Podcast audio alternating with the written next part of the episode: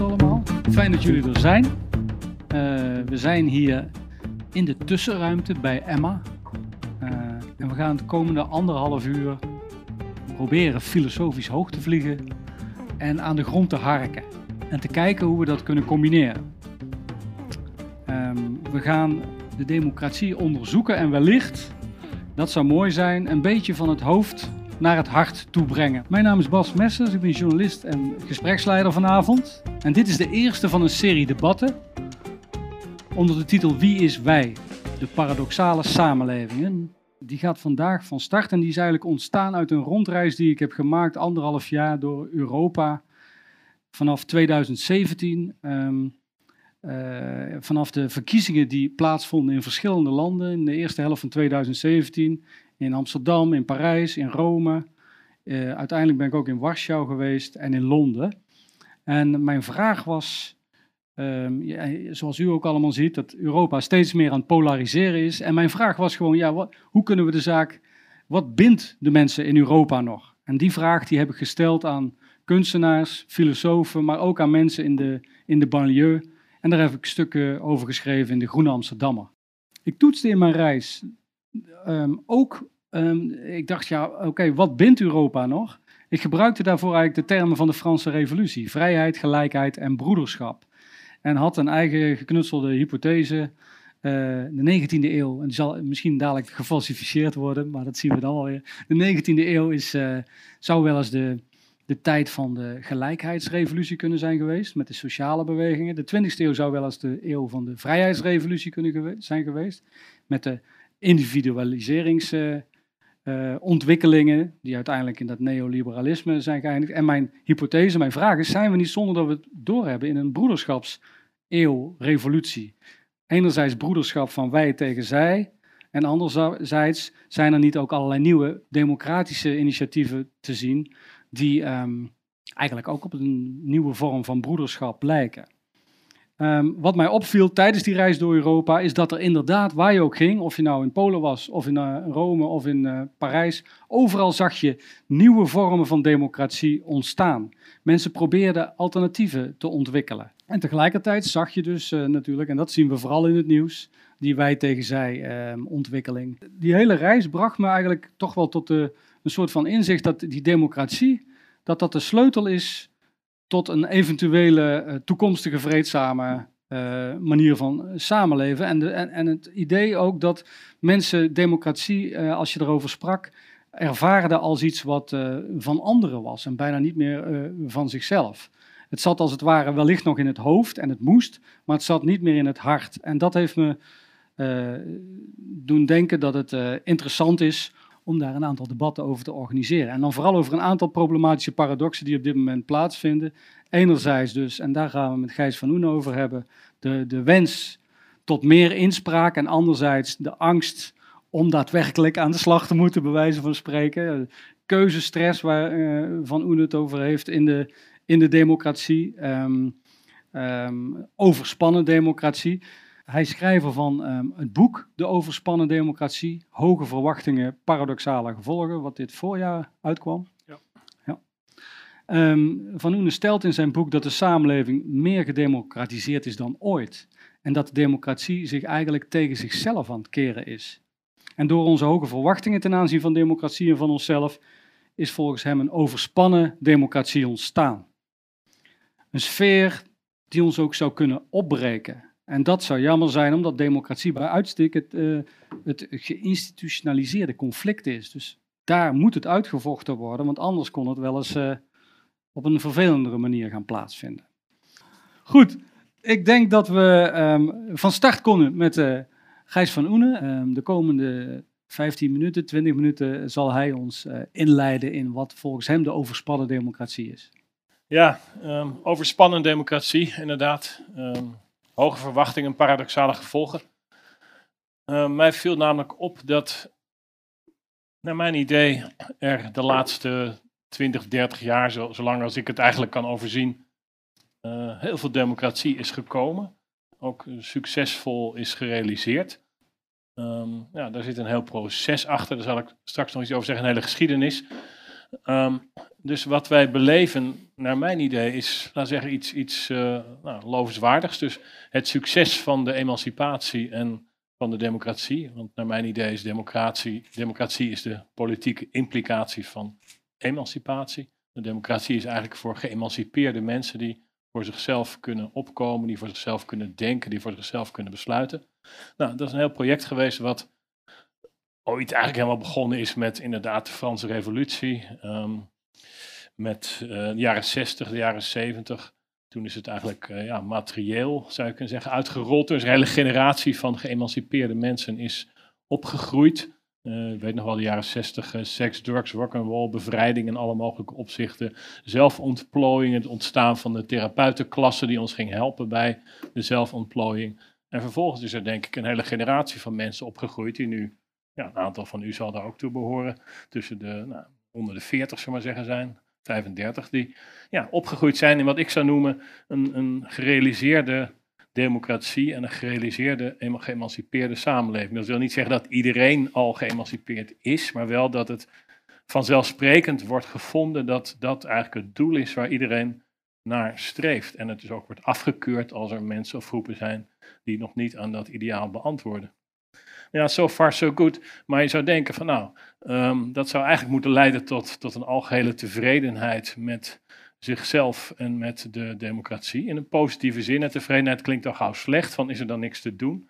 Maar ik zou zeggen, een ideaal waar zo lang voor gevochten is, als dat bereikt is, nou, dat zou eigenlijk moeten kunnen stemmen tot vrolijkheid. Dat is niet het geval. Althans, wat je ook ziet, is toenemende boosheid. Um, politiek wordt eh, steeds meer geassocieerd met ontevredenheid, met uh, ergens niet mee eens zijn, boos zijn op Den Haag, boos zijn op bestuurders, eisen stellen. En ik vond dat eigenlijk wonderlijk. Waar komt nou die, die boosheid vandaan? En ik geloof niet uh, in de, de, gebruikelijke verklaring, bijvoorbeeld dat er een kloof zou zijn tussen overheid en burger. Ik denk dat er eigenlijk juist te weinig ruimte is. We zijn wel het over de tussenruimte. Nou, ik zou best wel meer tussenruimte tussen overheid en burger willen.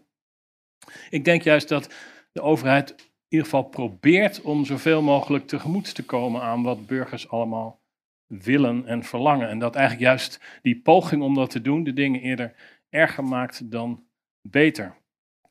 In mijn boek probeer ik dat op een aantal manieren te beschrijven. Um, ik, je kunt eigenlijk in twee verschillende delen kun je dat zien. De ene is de gestegen verwachtingen, wederzijds, en de andere is de gestegen interactie. Um, gestegen verwachtingen, dat gaat over dat mensen steeds meer zijn gaan verwachten van democratie en van politiek.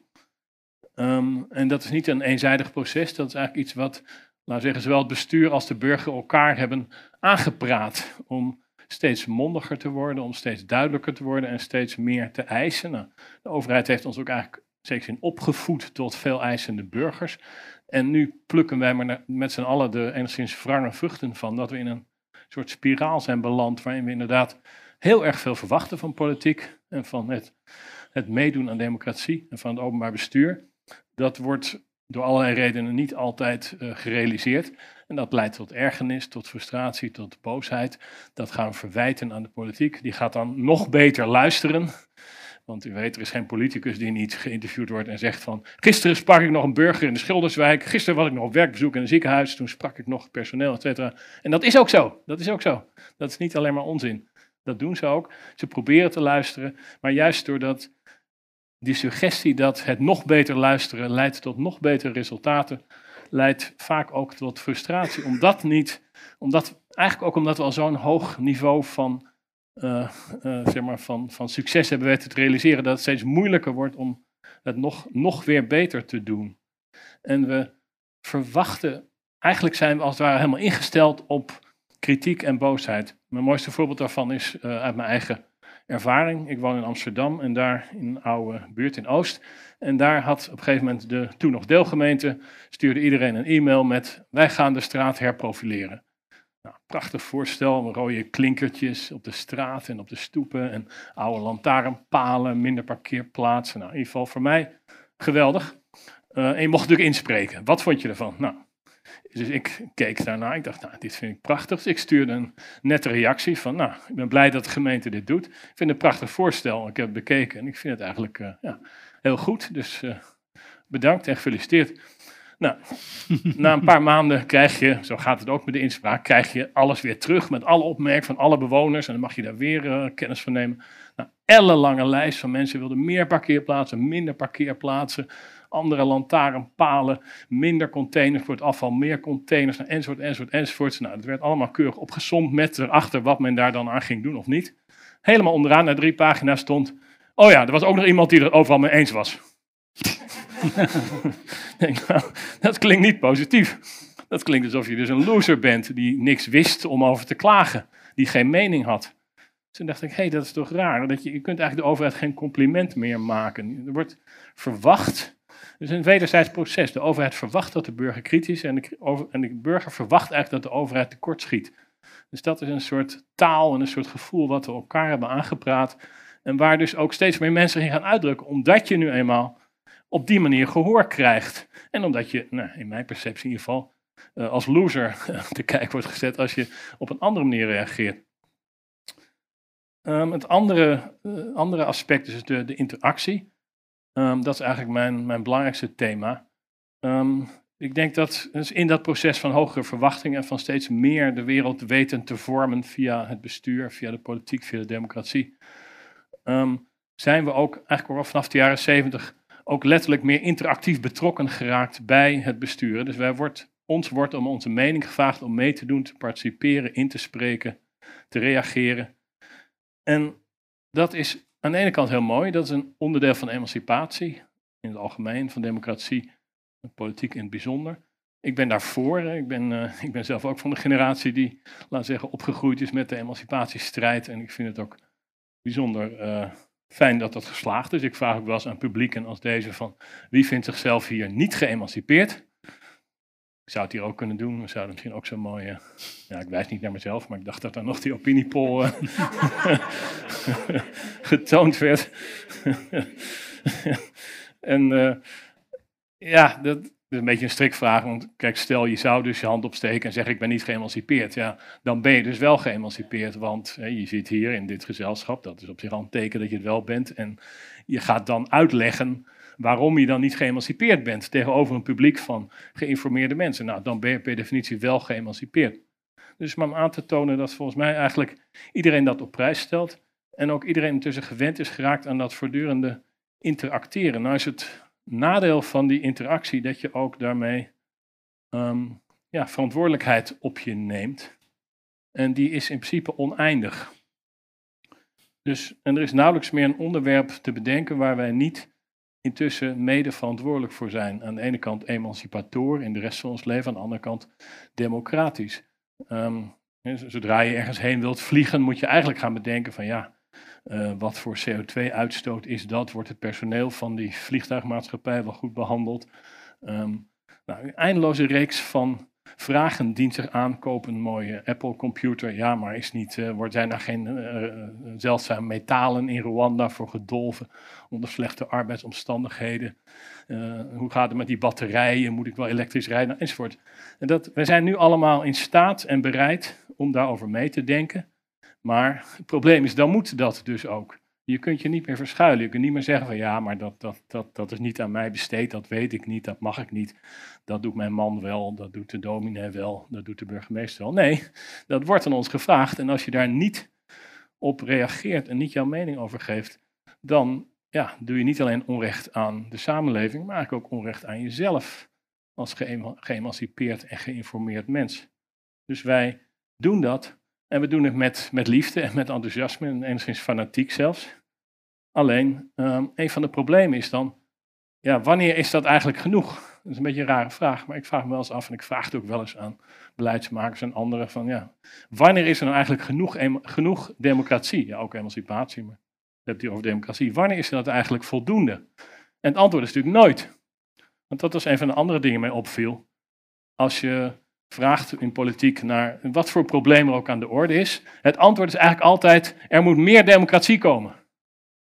Ja, wat dat dan precies gaat opleveren, vragen weinig mensen zich af. Uh, het mooiste voorbeeld is eigenlijk de gekozen burgemeester. Een oplossing voor een niet bestaand probleem. Ik zou zeggen, kijk nou eerst eens even, wat zijn er voor problemen, als die er zijn, die veroorzaakt zouden zijn door het feit dat er een niet gekozen burgemeester is. En ga dan proberen dat probleem op te lossen. En misschien is dan een van de oplossingen niet een welgekozen burgemeester. Maar voordat dat soort problemen er zijn en duidelijk zijn, lijkt het me onzin om te gaan klagen dat burgemeesters niet gekozen zijn. Maar het is maar een voorbeeld van een reflex die er ontstaat van meer democratie is altijd beter. Als iets misgegaan is, zal het wel komen omdat ik niet op tijd betrokken ben bij de besluitvorming, omdat ze niet geluisterd hebben of iets verkeerds mee gedaan hebben, et cetera, et cetera. Dus het is een soort standaardwijze van gedragen en van denken en uitdrukken geworden, die leidt tot uh, wat ik wel eens de interactieve mentaalmoeheid heb genoemd. Dus we zijn er zo aan gewend geraakt en we willen het ook zo graag, we kunnen er ook niet meer mee ophouden. Maar toch ergens breekt ons dat op, omdat voortdurend te moeten doen. En dat is niet alleen dat we iedere avond in zalen zoals deze zitten, al zouden we dat misschien ergens wel willen, maar dat doen we natuurlijk niet. Maar dat doet er eigenlijk niet toe, want thuis zitten we ons ook af te vragen van, moet ik een elektrische auto nemen en hoe zit dat met dat vliegen en uh, moet ik eigenlijk uh, nog kleding kopen, want dat vervuilt ook het milieu en wat zit ik eigenlijk te eten en hoe is dat eigenlijk geproduceerd enzovoort enzovoort. En dat rust allemaal ook op ons. Het zij als consumentenkeuze, en dat aspect hebben we natuurlijk ook nog. Veel wordt ons nu opgedrongen als consumentenkeuze. Vroeger kon je zeggen, nou ik wil groene stroom, dan stem ik op die en die partij, want die gaat dat regelen. Nu is dat een kwestie van een aanbieder kiezen, of ieder jaar weer een nieuwe aanbieder kiezen. En dan kun je uit 400 kiezen en je moet ieder jaar weer veranderen volgens de liberale, liberale ideologie.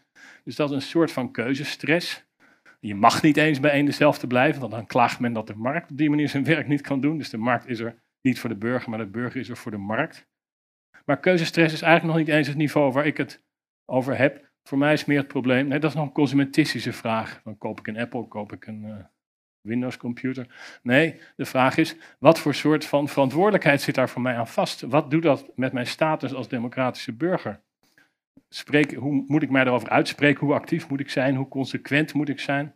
En ik denk dat dat eigenlijk, ja, dat gevolg van die status van democratisch burgerschap die uh, ja, ons langzaam te veel aan het worden is. En er wordt van alles aan gedaan. Er zijn hoogleraren actief burgerschap die ons dat proberen nog bij te brengen hoe dat moet. We kunnen naar avonden in de zwijgen, we kunnen zelfs naar avonden in Emma en dan kunnen we ons nog weer verder ontwikkelen en weer verder scholen. Maar ik denk dat ons dat, ja, dat we langzaam bezig zijn om dat, uh, ja, dat wordt ons met mijn favoriete uitdrukking te veel van het goede. Het heeft ook iets te maken met, laten we zeggen, meer algemeen maatschappelijk met uh, twintigersdilemma's, uh, burn-outs. Ik denk dat, dat kun je ook voor een deel begrijpen als uitdrukking van ja, te veel aan, laten zeggen, te veel ambitie hebben in volop meedraaien in dat proces van democratisch zijn, van goed burger zijn. Ik zag een documentaire over uh, twintigersdilemma's. Er werd een meisje van pakweg 24 geïnterviewd. En die werd een hele open vraag gesteld, namelijk: wat is het ergste wat jij je kunt voorstellen? Als je dat aan mij zou vragen, dan zou ik denken nou, dat je onder de tram komt, typisch Amsterdamse gedachte, of uh, nou, dat mijn moeder doodgaat of iets in die trant. Nee, het antwoord was dat ik niet alles uit mezelf haal wat erin zit. Dat dat nou het antwoord is op de open vraag, wat is het ergste wat je je kunt voorstellen? dacht ik, wauw, wat een soort enorme last hebben mensen dus, met name denk ik jongeren, op zich, dat ze dat denken van. En er zijn ook meer documentaires, prachtige documentaires, alles wat we wilden, Sarah Domogala laat ongeveer hetzelfde zien, staat nog steeds op internet. Uh, artistieke jongeren die zich het afvragen van, ja, maar ik ben wel de hele tijd bezig, maar ben ik wel genoeg bezig? Ben ik wel creatief genoeg? Ben ik wel oorspronkelijk genoeg? Moet ik mezelf niet nog meer ontplooien? Nou, dat geldt voor ons als persoon, maar het geldt ons ook voor ons als democratisch burger. Dat potentieel is oneindig en we hebben altijd het gevoel van, ik doe daar niet genoeg voor. Nou, dat is een probleem wat eigenlijk helaas denk ik niet echt oplosbaar is. Want we kunnen niet zomaar teruggaan naar ja, dan maar geen democratie, dan maar niet inspreken. Um, dus ik probeer dat te diagnosticeren. Ik heb er wel een soort, een soort oplossing voor gesuggereerd in mijn boek. En dat noem ik algoritmische democratie. Uh, de gedachte daarachter is dat we eigenlijk al zo uitgepeild worden. Nou, het was net al, het gebeurde hier dus ook al. We worden ook al ondervraagd en meningen worden gepeild. Nou, het schijnt dat, uh, dat is naar aanleiding van dat schandaal met Cambridge Analytica ook uitgezocht als je 100 likes op Facebook weet te analyseren, dan weet je al meer over een persoon dan zijn collega's of haar collega's. Als je er 150 hebt, weet je al meer dan diens beste vrienden. En 200 weet je meer dan die persoon zelf. Ik weet niet of dat klopt, want ik denk eigenlijk dat anderen meer over jezelf weten dan je zelf over jezelf weet. Maar je snapt het idee. Dus wij worden op allerlei manieren te beginnen met Maurice de Hond, maar daarna is natuurlijk een hele leger aan pijlers en meters en evaluators over ons losgelaten. En Facebook is alleen maar eigenlijk de laatste variant daarvan. Zij worden al uitgepeild. En dat heeft allemaal nadelen, maar het heeft ook één voordeel. En er zijn heel veel mensen zijn heel uh, we zeggen, defensief en, en, kritisch over algoritmes. En ik begrijp wel waarom, privacy en dingen. Maar toch zie ik ook een voordeel in. Ik denk namelijk dat dat. Men, men kan ons als het ware inderdaad. Men kan in ons kijken en heeft al een idee van wat voor soort uh, ja, democratische voorkeuren wij, ieder van ons, voor ons eigenlijk hebben. En misschien weet men dat eigenlijk wel beter dan we dat zelf weten. Waarom vullen wij stemwijzers in? Ja, eigenlijk om dezelfde reden. Ik doe het zelf ook wel eens en dan ben ik altijd weer verbaasd. Dan komt er weer iets uit wat je niet helemaal verwacht had. ChristenUnie of zo. Dat schijnt vlak bij GroenLinks te zitten. Dan denk ik, ja, misschien klopt dat ook wel. Ik weet het eigenlijk zelf niet. Ik heb, dat Arjen Lubach dat ik heel mooi gediagnosticeerd had nog voor de verkiezingen. Zeiden, ja, ik ken de uitslag al. Er zijn, komen 15 partijen, die hebben allemaal 10 zetels. En de PvdA, die heeft er nul. ja, dus ja, het idee was van, ja, ideologie bestaat niet meer. En verder zijn er 15 partijen en die lijken allemaal op elkaar. Het is eigenlijk allemaal hetzelfde. Ja, wat moet je nou doen in zo'n situatie? Ook een mooi voorbeeld, wat ik een jaar geleden was ik in Zwolle, denk ik, op een bijeenkomst een beetje zoals deze. En daar was een, een man uit het publiek aan het oreren. Ik denk een beetje PVV-achtig uh, sympathisant. En het was een vrij lang betoog en dat eindigde enigszins tot zijn eigen verrassing met de stelling van ja, dus met andere woorden, ja, de beste partij, dat, uh, ja, dat ben ik zelf. Ja, dat klopt precies bij wat Lubach zei, weet je wel. Dus er zijn niet 15 partijen, maar er zijn eigenlijk 15 miljoen. Dus iedereen wil eigenlijk precies datgene wat hij zelf is en wil en zich voorstelt, moet eigenlijk een partij voor zijn. Nou, dus ik keer het eigenlijk om. Ik zeg, nou, kennelijk is het tegenwoordig mogelijk als algoritmes dat voor ieder van ons al uitpeilen. En dat is dus geen paternalisme. Dat is ouderwets zeggen, ik weet wat goed voor jou is. Nee, ik weet wat, er, uh, wat al jouw voorkeuren zijn. Dus ik kan eigenlijk misschien nog wat beter dan jij, net zoals een stemwijzer, bepalen van wat zou nou jouw politieke voorkeur zijn. Ik dacht, nou, misschien is dat eigenlijk wel een goed idee dat dat een soort uh, ja, een systeem wordt naast onze gewone democratie. Want daar gaan we natuurlijk gewoon mee door. Dat kun je niet stopzetten. Dat zou natuurlijk een beetje gek zijn. Ook niet verstandig. Maar misschien zou dat toch een soort hulp kunnen zijn.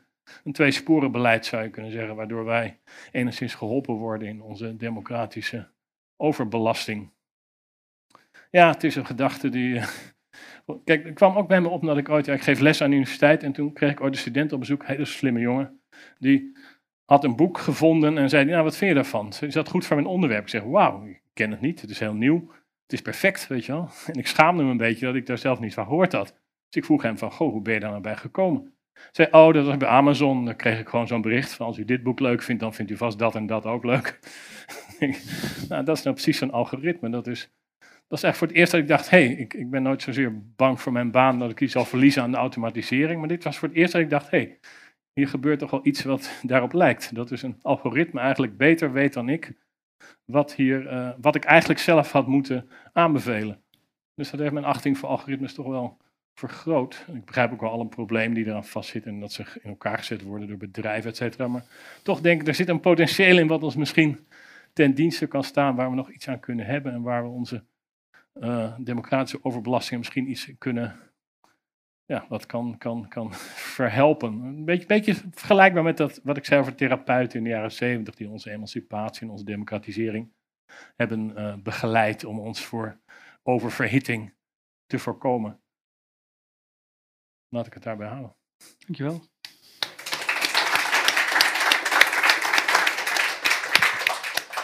Um, je zegt de mensen leven onder eigen gezag en, en kunnen die last als het ware niet meer, niet meer aan. Dat is wat je poneert. Hè? Ja. Um, maar hoe komt het eigenlijk dat, um, denk je dat veel mensen zich dat realiseren? Nee, ik denk dat maar weinig mensen dat realiseren. En dat komt ook omdat dat een van de dingen is die denken wij het moeilijkste nu tegenwoordig aan onszelf kunnen toegeven.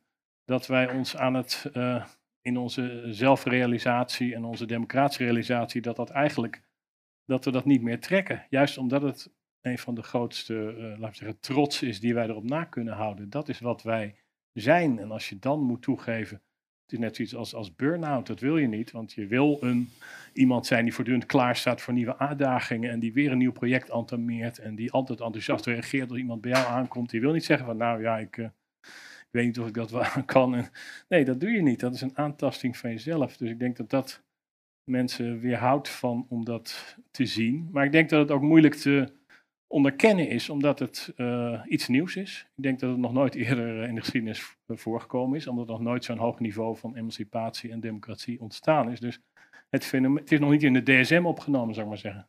Hm. DSM 6 zou het misschien uh, voor het eerst kunnen verschijnen. Ja, eh, waar ik ook aan moest denken toen ik je boek las, is dat uh, een, um, kijk, nu, nu, nu God een beetje dood is, een klein beetje, um, is, de, is de democratie een tijd lang als een nieuwe verlosser beschouwd. En ligt die, ligt die nu, gaat hij hetzelfde lot voor, tegemoet als die, uh, dat God is overkomen. Namelijk dat, dat hij ook sterft op dit moment, de democratie. Ja, dat, is, een heel goed punt. Um, ik denk misschien om andere... Ja, Omdat hij niet brengt wat we verwacht hadden van God bracht niet meer wat... De democratie... Nee, die, die, hebben we misschien niet overvraagd, want daar was eigenlijk nog, zolang er God is, heb je daar nog, laten we zeggen, het ouderwetse idee van eerbied voor. Zoals we vroeger eerbied hadden voor, voor ministers en andere hoge plaatsen. En dan kunnen ze je teleurstellen inderdaad. En dan ja, dan, dan, dan sterven ze inderdaad een zachte dood, zou je kunnen zeggen. En dit is een mooie vergelijking, maar ik denk dat het nu een dood is omdat, laat zeggen, een dood uit, uit overvraging en oververwachting en, en overspanning. Maar het is ook niet een, laat zeggen, ja, een dood, dat klinkt alsof je dan radicaal iets nieuws gaat doen. Ik denk dat dat niet zo is. Ik denk dat we meer, zoals, laat zeggen, ooit met het postmodernisme, een soort, ja, een soort tussenperiode hebben van, ja, we moeten hier aan wennen dat het zo is. We hebben ook niet direct een alternatief. En uh, ja, dus we zitten een beetje rond ons heen te kijken. En ik heb ook wel gezegd, dat is in mijn vorige boek, maar dat geldt nog steeds wel. We zijn op zoek naar nieuw gezag. Dat, dat past een beetje wat je nu zegt. Um, ook in politiek opzicht. Maar we weten eigenlijk niet hoe dat eruit ziet. En je kunt vrezen dat veel mensen tegenwoordig wel weten hoe dat eruit ziet. Namelijk een of andere Orbán of, of Erdogan of Trump-achtige figuur. Dan, komen we bij het thema van, de, van populisme. Um, wat ook positieve kanten heeft. Maar dat, ik denk dat dat inderdaad zo is. Dat wij, wij weten niet meer. We hebben het gezag afgeschaft, want dat zijn we nu zelf geworden. Vroeger de dominees en et. Dat, en God zijn geen gezag meer. Nou, ons, onze gesprek onder elkaar is nu ons eigen gezag geworden. Dat bestaat alleen maar uit de uitkomsten van waar wij over discussiëren. Ja, en we moeten het blijven discussiëren om dat gezag te blijven produceren. En inderdaad denk ik dat dat een soort ja, dat zou wel eens kunnen overlijden aan, aan oververhitting. Of het eigenlijk, ja, weet je, ik gebruik liever de, de metafoor uit, uit de vliegtuig, uit de Air Crash Investigation. Ik weet nog meer liefhebbers zijn van dat programma. Maar daar, daar, begeeft altijd één onderdeeltje het, omdat het net weer overbelast is of zo. Of de interactie tussen mens en apparaat net niet helemaal wrijvingsloos verloopt. En dan, uh, ja, dan stort het zaakje neer. Dus ja, een soort neerstortende beeld zie ik wel, wel voor. Maar je ziet, eh, we komen dadelijk ga ik ook, want het is democratie. Dus mag ik nog twee vragen stellen en dan laat ik u. um, wat, wat mij ook opvalt is, uh, ja, uh, je zegt eigenlijk dat, we, dat het diep in ons zit in feite, de democratie, dat we ermee door dezems zijn. We realiseren het ons niet helemaal. En tegelijkertijd zitten we nog enorm te trappen op dat wat wij um, visualiseren als de democratie. De torens, uh, Den Haag en zij doen het allemaal verkeerd. Um, als je dat beeld volgt, dan, dan zou jouw uh, analyse, hoe kun je die daarmee in, in, in overeenstemming brengen? Nou, Want juist, die zet de democratie buiten zichzelf. Nou, juist omdat we er zo op gesteld zijn, denk ik. Omdat we er zoveel van verwachten en het, het niet, ons niet levert wat wij willen. Dus dan worden we boos van, ja, maar waarom is dat nou zo? En ook um, tweede aspect daarvan is dat we, we denken dat we daar tegenaan kunnen trappen, ja, omdat het er toch wel is. Weet je wel, we zijn er impliciet van overtuigd van, ach, daar denken mensen misschien niet zo bij na, maar ja, rechtsstaat is er gewoon, democratie is er gewoon en je kunt gewoon tekeer gaan wat je wil. Denk aan Donald Trump. Dat systeem blijft toch wel gewoon bestaan. Dat is niet zo. Mm. Dat kan natuurlijk gewoon uh, verdwijnen. En dat is op allerlei plekken al aan het verdwijnen, maar dat is een, ja, door, door, ook al, laat zeggen, heel veel mensen natuurlijk opgegroeid zijn in, in, de, in, de, in de maatschappij waarin dat eigenlijk allemaal succesvol gerealiseerd is. Dat je niet meer zo gauw denkt van, hé, hey, maar als je er zelf niet meer aan bijdraagt, dan kan het ook weer gewoon verdwijnen. En je ziet eigenlijk twee manieren van verzet hè? Tegen, tegen dit eh, gevoel wat jij omschrijft. Je, zo, je hebt enerzijds het engagement van sommige mensen, die willen weer van alles proberen. Daar ben ik ook op gestuurd in die reis door Europa. Ik, ik haal een zin, ik geloof dat die ook gewoon uit jouw boek komt. eh, is, is engagement iets dat alleen de elites kunnen? En als de gewone man inspraak wil, dan heet het ineens populisme. Ja, dus engagement is denk ik iets heel dubbelzinnigs. Aan de ene Mhm. kant is het wat je zegt een poging om nieuwe vormen te vinden voor politiek. En dat is eigenlijk altijd goed, zou je kunnen zeggen. Want eh, niemand weet wat politiek is. Je moet er altijd op zoek naar gaan. Je moet ook altijd zelf creëren. Dus je kunt niet zeggen politiek, oh dat is in die torens hier of zo. Nee, politiek is een heel vluchtig iets. eh, wat, wat, ja, wat, wat eigenlijk de creativiteit van mensen zelf betreft. Aan de andere kant denk ik dat modern engagement ook een soort entitlement in zich heeft. Van ik heb daar recht op, ik moet dat gewoon krijgen. Nou, als die verrekte overheid het mij niet geeft, dan ga ik dat wel zelf organiseren. Eventueel met mijn buren en met de straat. En dan moeten ze ook gewoon zorgen dat dat kan. Dus zulke mensen heb ik ook in dit soort zaaltjes best ontmoet. Van, ja, die wilden gewoon een of ander project gerealiseerd hebben. En die waren boos dat de overheid hun daar niet de grond en de middelen ter beschikking stelde. Dacht ik, ja, jullie zijn gewoon neoliberalen. En die zeggen van, nou, ik wil gewoon dit en dat. En dat moet gerealiseerd worden. Ik zet ervoor in, dus laat die overheid me daar maar bij helpen.